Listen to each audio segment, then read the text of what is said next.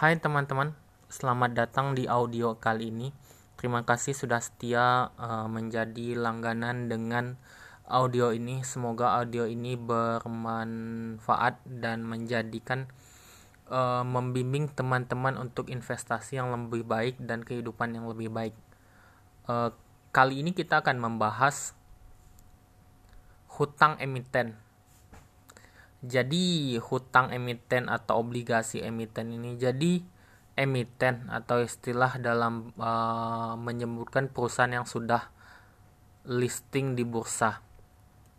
Jadi itulah istilahnya untuk mengatakan bahwa perusahaan itu udah listing namanya emiten. Jadi hampir mungkin seluruhnya, hampir atau mungkin seluruhnya bahwa semua emiten itu mempunyai hutang. Nah, yang harus kita sikapi adalah hutang itu baik atau buruk. Kalau di jika hutang itu uh, jadi hutang itu bisa dikatakan baik atau bisa katakan buruk. Jawabannya adalah tergantung ini pandangan saya teman-teman mungkin saya salah karena juga saya bukan latar belakang ekonomi tapi uh, saya dapat ilmunya dari sering membaca berita dan uh, dan juga saya banyak melihat pergerakan saham dan banyak mendengarkan ya berita baik itu TV atau di handphone atau membaca. Nah, jadi uh, hutang itu tergolong bagus teman-teman. Jika hutang itu oleh perusahaan itu digunakan untuk membeli uh, membeli hal yang untuk menambah kapasitas produksi hal untuk menambah membeli uh, perusahaan yang lain atau melakukan ekspansi ataupun untuk mengakuisisi. Intinya untuk menambah aset itu bagus. Tetapi ada juga ini yang namanya hutang yang tidak bagus untuk perusahaan, yaitu apa? Untuk membayarkan liabilitasnya. Contohnya dia membayar untuk uh, gaji karyawan mungkin atau biaya operasional. Jadi itu kurang baik. Dan juga ada juga sih yang uh, yang hutang untuk membayar hutang sudah jatuh tempo. Itu ada juga tapi saya nggak tahu itu kategorinya apa. Tapi di sini kita nggak akan membahas tentang hutang baik atau hutang buruk tapi kita lebih ke membahas hutang untuk mencari keselamatan di pasar saham jadi teman-teman kita ulangi lagi bahwa yang namanya hutang itu pasti ada setiap perusahaan. Apakah itu perusahaan kecil atau perusahaan besar apakah hutang itu uh, hutang untuk menambah kapasitas produksi atau membayarkan uh, biaya operasional. Jadi untuk itu kita harus tahu teman-teman karena gini kenapa harus kita pahami hutang itu? Karena ketika hutang itu bagus hutang itu bagus ketika hutang itu kemungkinan perusahaan tidak bisa membayar, apakah itu pokok hutangnya ataupun membayar bunga hutangnya, itu berbahaya untuk kita sebagai investor retail atau investor kecil. Jadi ketika teman-teman ada kemungkinan si si emiten tidak mampu membayar hutang, kemungkinan besar sahamnya itu akan disuspend.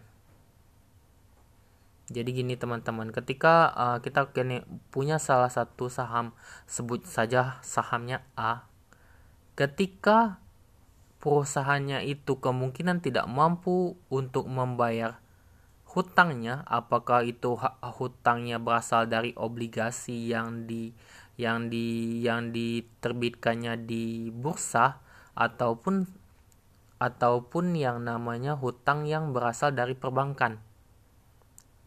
Nah, saat itu ketika tidak bisa dibayar, sahamnya itu akan disuspend.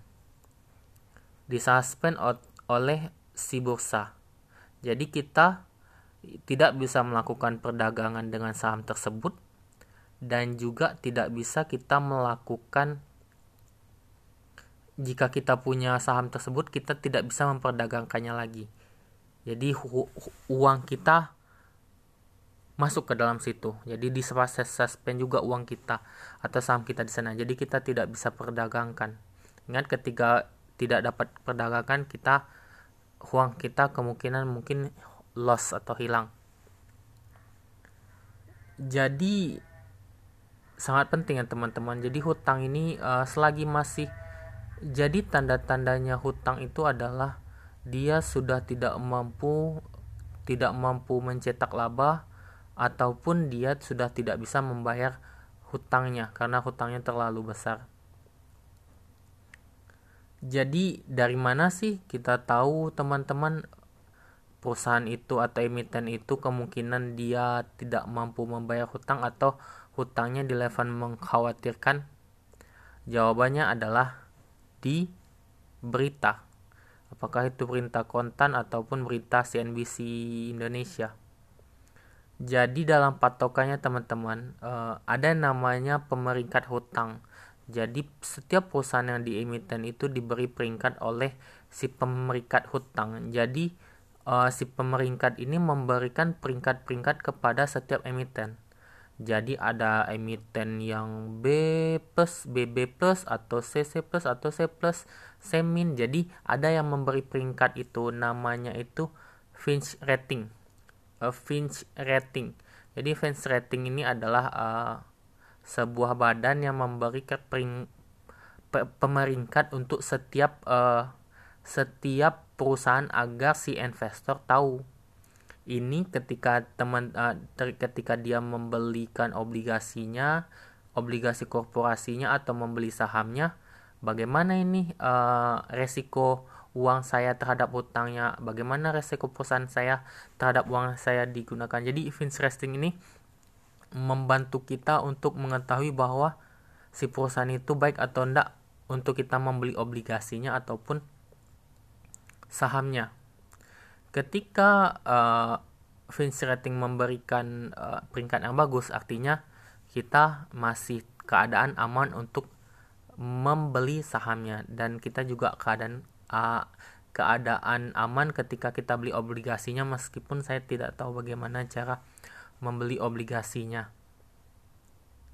Selanjutnya uh, kita cari dari situ ya teman-teman. Jadi berita sangat penting untuk kita baca setiap hari. Sangat penting berita ekonomi, kontan ataupun CNBC Indonesia.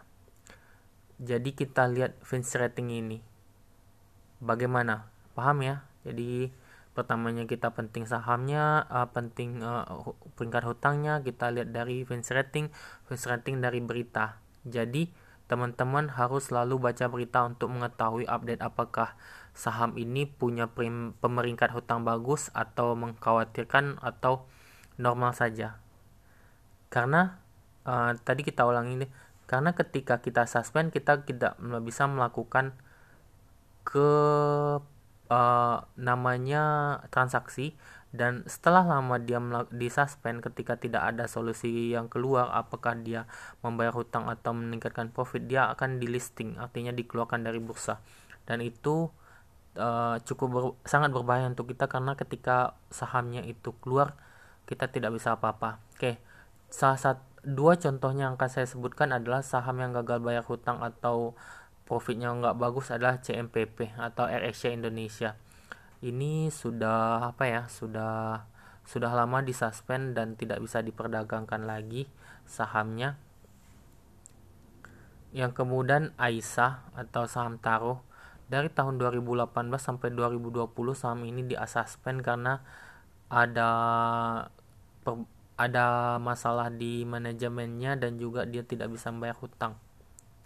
Sehingga dia disuspend selama tiga tahun dan seperti yang kita tahu bahwa yang investor investor investor retail seperti kita dan teman-teman menjerit pas waktu Aisyah ini disuspend selama tiga tahun. Ada yang 200 ribu 200 juta ada yang beberapa miliar. Mereka tidak tahu mau ke mana. Padahal pas waktu itu Aisyah itu tergolong saham yang bagus saham konsumer yang bagus dan banyak dimiliki oleh retail seperti kita karena mencari aman. Namun karena ada manajemen yang bermasalah jadi Aisyah ini disuspend sampai tiga tahun. Dan akhirnya setelah masuk uh, Aisyah dan kemudian harganya normal masuknya di harga 300 dan kalau nggak salah di 900 sudah masuk ke 1000 jadi intinya teman-teman